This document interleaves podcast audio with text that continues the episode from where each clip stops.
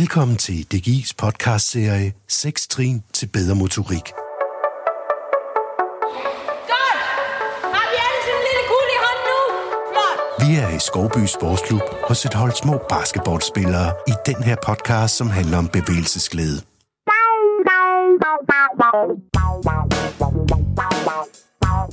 Jeg hedder Søren Prehn, Og jeg hedder Jonna Toft. og vi er dine værter i den her podcastserie om børns motorik. Og Jonna, hvad er motorik egentlig for noget? Motorikken det er fundamentet for, at vi udvikler præcise og gode bevægelser. Sådan meget enkelt sagt, så foregår det på den måde, at når et barn undersøger sin omverden, for eksempel ved at røre ved noget græs eller trille ned ad en skråning, så stimulerer det alle sine sanser.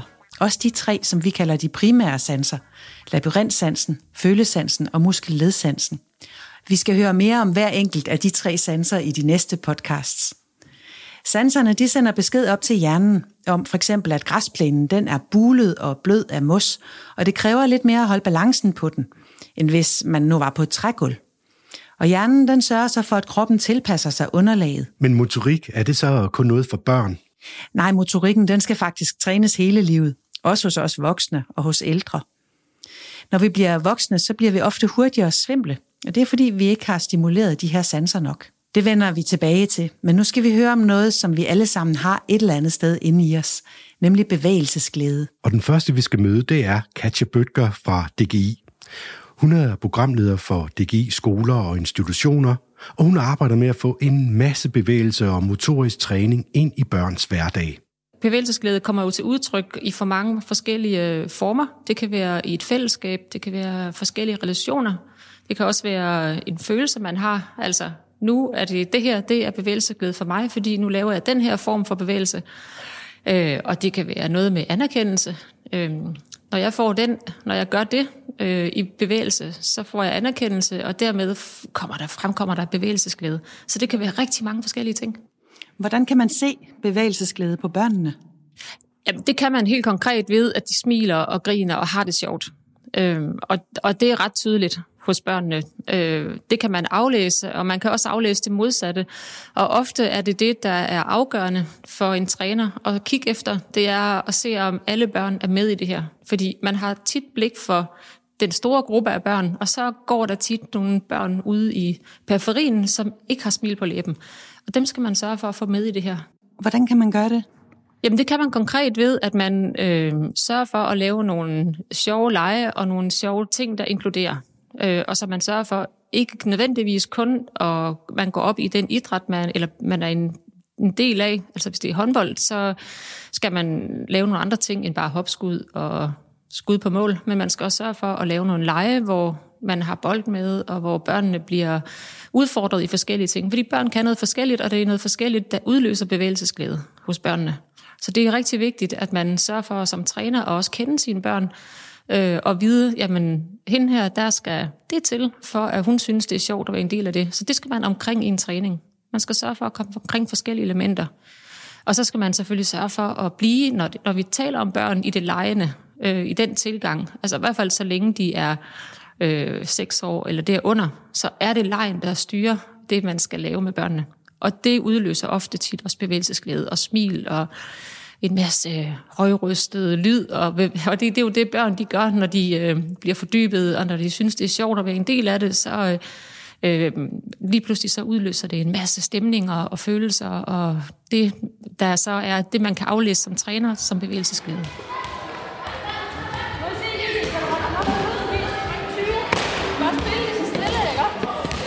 Jamen, jeg hedder Gunnar, og i Danmark hedder jeg Johansen. I Island hedder jeg Gunnar Oskbjarnadottir Johansen, og jeg kommer oprindeligt fra Island. Jeg tror, jeg var hjælpetræner for første gang, det var 12 år. Øhm, så ja, hvis man gør regnstykket, så er det omkring de 28 år, at, øh, at jeg har været træner. Øhm, og jeg har været træner for den yngre afdeling altid. Den har heddet under 12 år. Og her skal vi måske nævne, at Gunnar hun er træner i Skovby Sportsklub mellem Aarhus og Silkeborg, og hun har et hold for børn på 3-6 år, der gerne vil spille basketball.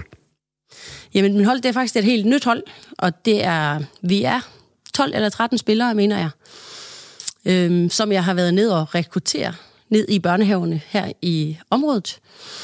Og det er, øh, de har alle sammen deres helt egen personlige træner med, nemlig deres forældre. Og vi mødes en gang om tirsdagen, og så spiller vi nanobasket. Og i dag har vi så lavet boldband. Det er lidt forskelligt. Nogle gange så inddrager vi også nogle andre bolde indover. For i princippet, så er det boldbasis, vi egentlig træner. Så det kunne jo godt være en håndbold, eller en fodbold, eller en volleyball, for den så skyld.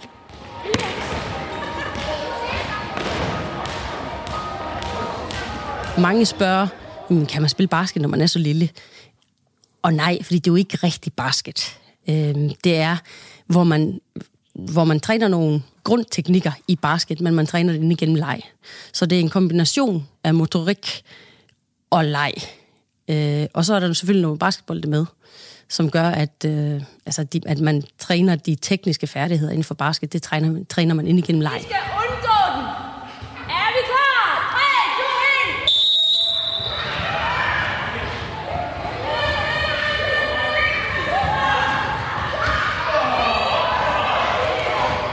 2, 1 altså, jeg arbejder meget med bevægelsesglæde. Det med, at jeg hører selvfølgelig, hvad børnene siger. Jeg hører deres ønsker. Og så giver jeg dem også lov til at, at gøre det, de egentlig gerne vil. Der er ikke noget, der er så heldigt til min træning, at, at de skal lade være med det. Eller at de ikke kan vælge noget andet. Så hvis vi har nogle forskellige stationer, og der er nogen, der synes, at den station med ballongerne, den er bare verdens sjoveste, jamen så er det den station, de bliver ved. Og så siger jeg til forældrene, endelig skub dem blødt på ryggen, og så sige, at, øh, at se, om de vil prøve noget andet. Men hvis ikke de vil det, så lad dem da blive ved den ballon. Det gør altså ikke noget. Og, og hvordan mærker du så, hvad, hvordan påvirker det børnene? Jamen, det giver den glæde. Det er den der fornemmelse af, at jeg, jeg er også med til at bestemme. Jeg synes, det her det er sjovt. Og hvis der er jo ikke noget værre end noget, som man ikke synes, det er sjovt. Man står lige ved siden af det, man synes, det er sjovt, og så bliver man tvunget til at lave noget andet. De skal nok komme, de skal nok henvende sig og sige, jamen, nu vil jeg gerne prøve det her. Men hvis jeg synes, at det med ballon, det er sjovt, jamen, så gør jeg det. Som træner er det vigtigt, at man har fokus på bevægelsesglæden, fordi vi ser, når man børnene kommer op i en vis alder, så ser vi et ret stort frafald fra idrætterne. Og det frafald vil vi rigtig gerne arbejde med. Vi ved, at hvis man øh, har bevægelsesglæde, så holder man meget mere ved. Og, og vi ved også, at rigtig mange af de ting øh, handler rigtig meget om fællesskaber og relationer. Det handler faktisk ikke så meget om selve idrætten, men det handler om, hvem man går til idræt sammen med, og at man er en del af et større fællesskab. Ofte har man jo fokus på at tabe og vinde, eller måske nærmere på at vinde, ikke også? Men, øh, men hele det her tab- og vindsystem, der er i idrætten, og konkurrencemomentet, det går vi meget op i som voksne. Det gør både træneren og forældrene og klubben, øh, men børnene gør faktisk ikke. Altså børnene vil rigtig gerne blive dygtigere til deres idræt, og de vil rigtig gerne have et fællesskab sammen med andre. Men det er ikke så vigtigt for dem at tabe eller vinde. Det kan godt være, at de synes, det er ok at tabe et par gange, hvis de bare har mærket, at de sådan set er blevet bedre som hold og er blevet udfordret personligt. Øh, så er det ikke så vigtigt at, at vinde. Men det er selvfølgelig vigtigt, at man vinder en gang imellem. Øh, men for os som voksne er det vigtigt, at de vinder hver søndag. Eller hvornår det nu er, at de dyrker deres konkurrenceidræt. Og det skal vi prøve at lægge lidt fra os, og så mere kigge på, trives børnene der, hvor de er, og er der bevægelsesglæde på mit hold? Eller er det kun de fem, der synes, at det her det er et hold med bevægelsesglæde, og de fire andre, de synes, det er rigtig kedeligt at være der. Og faktisk er det lige på nippet til at falde fra. Øh, Så det handler faktisk om meget mere. Det handler om et fællesskab og en, en træner, der er opmærksom på sit hold. Andet end at tabe og vinde. Men øh, hvad med de børn, der ligesom går langs kanten og ikke ser ud til at have det så sjovt, når de er til træning? Jamen, der er mange forskellige måder at gøre det på som træner. Altså dels skal man jo kende dem, som jeg lige var inde på. Det er vigtigt, at man kender øh, det enkelte barn og ved, hvad de er bange for, eller hvad det er, der er barrieren for, for øh, at de er en del af aktiviteten. Øh, men så kan man jo arbejde med at, at lave forskellige typer af aktiviteter. Man kan også matche dem med en kammerat og sige, at man, der er en kammerat her, som er dygtig og som er tryg, og dem kan man så bede om at tage det ind i hånden, der ikke er så tryg, og lave sådan nogle øh, fællesskaber på banen. Man kan også øh, arbejde med dem uden for banen, hvis nu, øh, nu, nu bruger jeg banen som udtryk, men det kunne også være gymnastiksalen, det kunne være alle mulige arenaer, vi er i her. Øh, arbejde lidt med forældrene og tage en snak med dem om, hvad har I kendskab til omkring jeres barn, hvad der er en udfordring, og tit ved forældrene godt, hvad der kan være udfordringen. Og så har man fat den vej.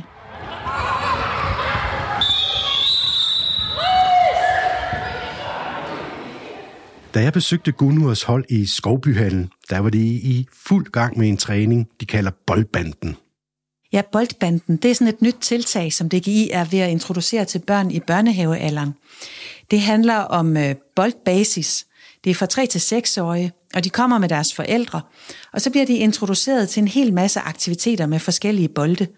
Så der er både motorisk træning og boldfærdigheder og en masse sjov i det. Så lad os lige høre, hvordan de gør i Skovby.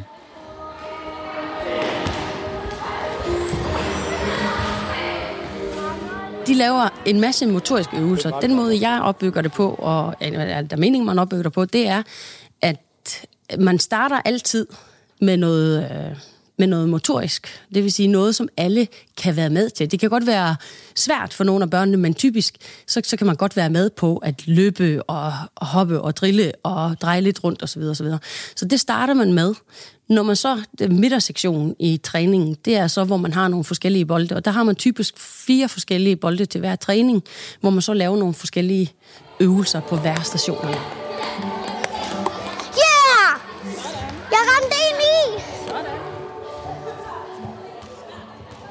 Og så til sidst, så ender vi altid med at lave noget, som alle kan være med til igen, og det kan være så en kombination af motorik og bolde, men noget, hvor, hvor børnene selv kan bestemme lidt, hvad det er med til at lave. Og her er vi især interesseret i at, at altså undgå den tidlige specialisering, sådan at vi er introduceret i at introducere børnene for de forskellige bolde, og at de, de prøver noget forskelligt af, sådan at de ikke skal, altså alle går til fodbold. Og så kan man ligesom forhåbentlig fremadrettet, så kan man så vælge, hvad det egentlig er, man synes, der var sjovest. I boldmanden er vi ikke interesseret i at skabe en, en basketballspiller. Vi er ikke interesseret i at skabe en fodboldspiller. Vi er interesseret i at skabe et individ. Så det der med, at, at børnene de har medbestemmelse, og de kan selv få lov til at vælge, hvad det er for nogle øvelser, de laver osv., det, det, det er formålet med det.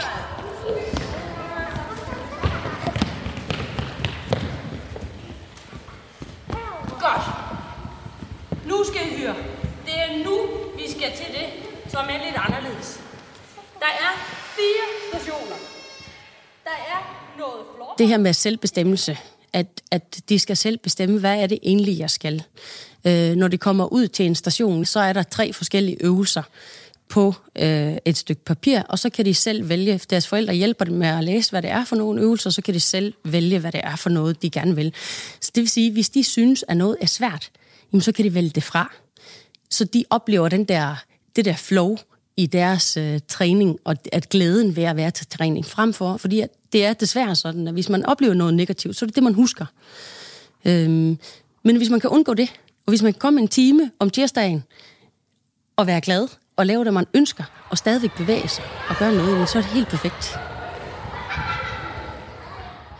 Jeg synes, at børn får at vide hele tiden, hvad de skal, hvornår de skal det. Og det betyder selvfølgelig ikke, at de ikke har medbestemmelse i deres hverdag, men rammerne, de er sat på forhånd. Og de får at vide, at du skal spise der, og du skal komme her, og du skal gå på toilettet, du skal gå ud og vaske hænder, du skal spise din mad, og alt, hvad der nu ellers kan være i deres hverdag. Så jeg synes, det er vigtigt, at man stiller barnet et spørgsmål og siger, at det er det der med at danne et individ og sige, hvad har du egentlig lyst til? Har du lyst til det her, eller har du lyst til det der? Og spørger sig selv, hvad, ja, hvad har jeg egentlig lyst til?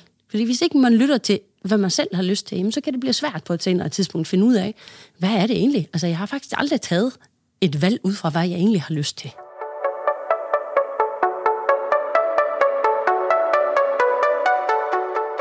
Vi hørte jo, at Katja fortalte om, at en del børn og unge, de stopper faktisk med at dyrke idræt. Er det så fordi, der ikke er nok fokus på bevægelsesglæden og at gøre det, som man egentlig har lyst til? Det er nok noget af forklaringen. Sundhedsstyrelsen har udgivet en rapport, der viser, at det kun er hver fjerde af de 11-15-årige, der lever op til Sundhedsstyrelsens anbefalinger om en times motion om dagen. Så de rører sig ikke nok, og de stopper med at gå på foreningshold, især når de starter på ungdomsuddannelserne. Det har jeg talt med Stefan Junggren om. Han er idrætskonsulent hos DGI Gymnastik. Vi risikerer jo, at, at øh, vi har en, en øh, generation, som øh, er, er meget stillesiddende, som har større og større risiko for, for forskellige livsstilssygdomme.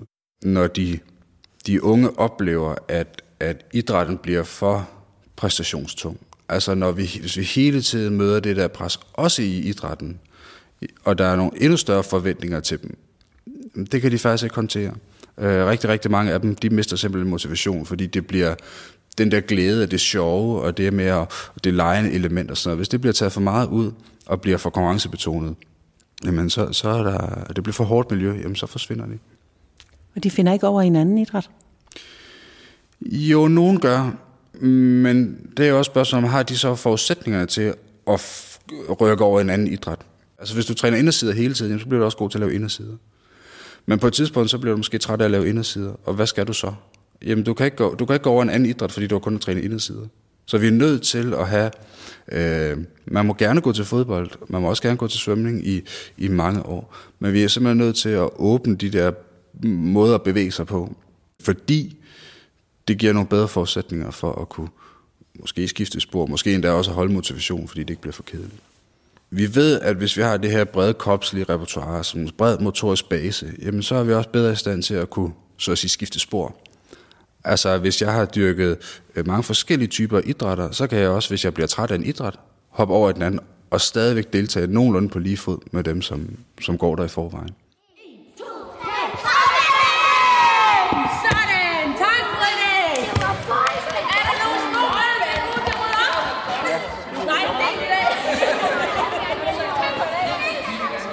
Da jeg besøgte Gunnhors hold, så spurgte jeg hende, hvad det er for nogle aktiviteter, der er gode, hvis man sådan vil skrue op for bevægelsesglæden. Absolut lege. I, de, I den alder. Det er det der med at lege, og med at lege alle tekniske færdigheder ind.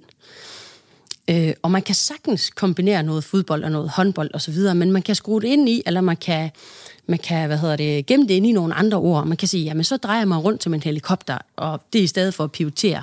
Eller at man sætter en tykkekummer under foden, og så drejer man rundt. Eller man hopper så højt som muligt, i stedet for at lave noget til en rebound. Med henblik på, at på senere tidspunkt, når de så vælger, for eksempel hvis de vælger at spille basket, jamen så ved de godt, hov, det har jeg faktisk lavet, men jeg har lejet det ind. Så det er en bevægelse, de kender, men de ved ikke, at det var det, de trænede. Øhm, så, så hovedsageligt lege, lege, lege. Så hvis du skulle give et råd til træneren derude, der sidder og lytter til den her podcast, hvad er så det? Lyt til børnene. Og lad dem være med at bestemme, hvad det egentlig er. Og læg mærke til, hvad de godt kan lide, og hvad de ikke godt kan lide. Øhm, sådan at de oplever en god træning. Og hvis de oplever en god træning, og forældrene gør lige så, øhm, så skal de nok komme igen.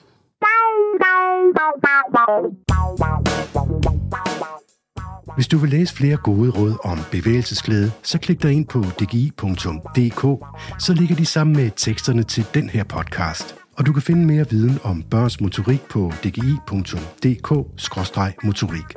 Den næste podcast i den her serie handler om labyrintsansen. Det er den, der påvirkes, når du tager tre koldbøtter og måske bliver svimmel. Og vi hedder Søren Prehn. Og Jonna Toft. Og vi har lavet de her podcast om børns motorik for DGI.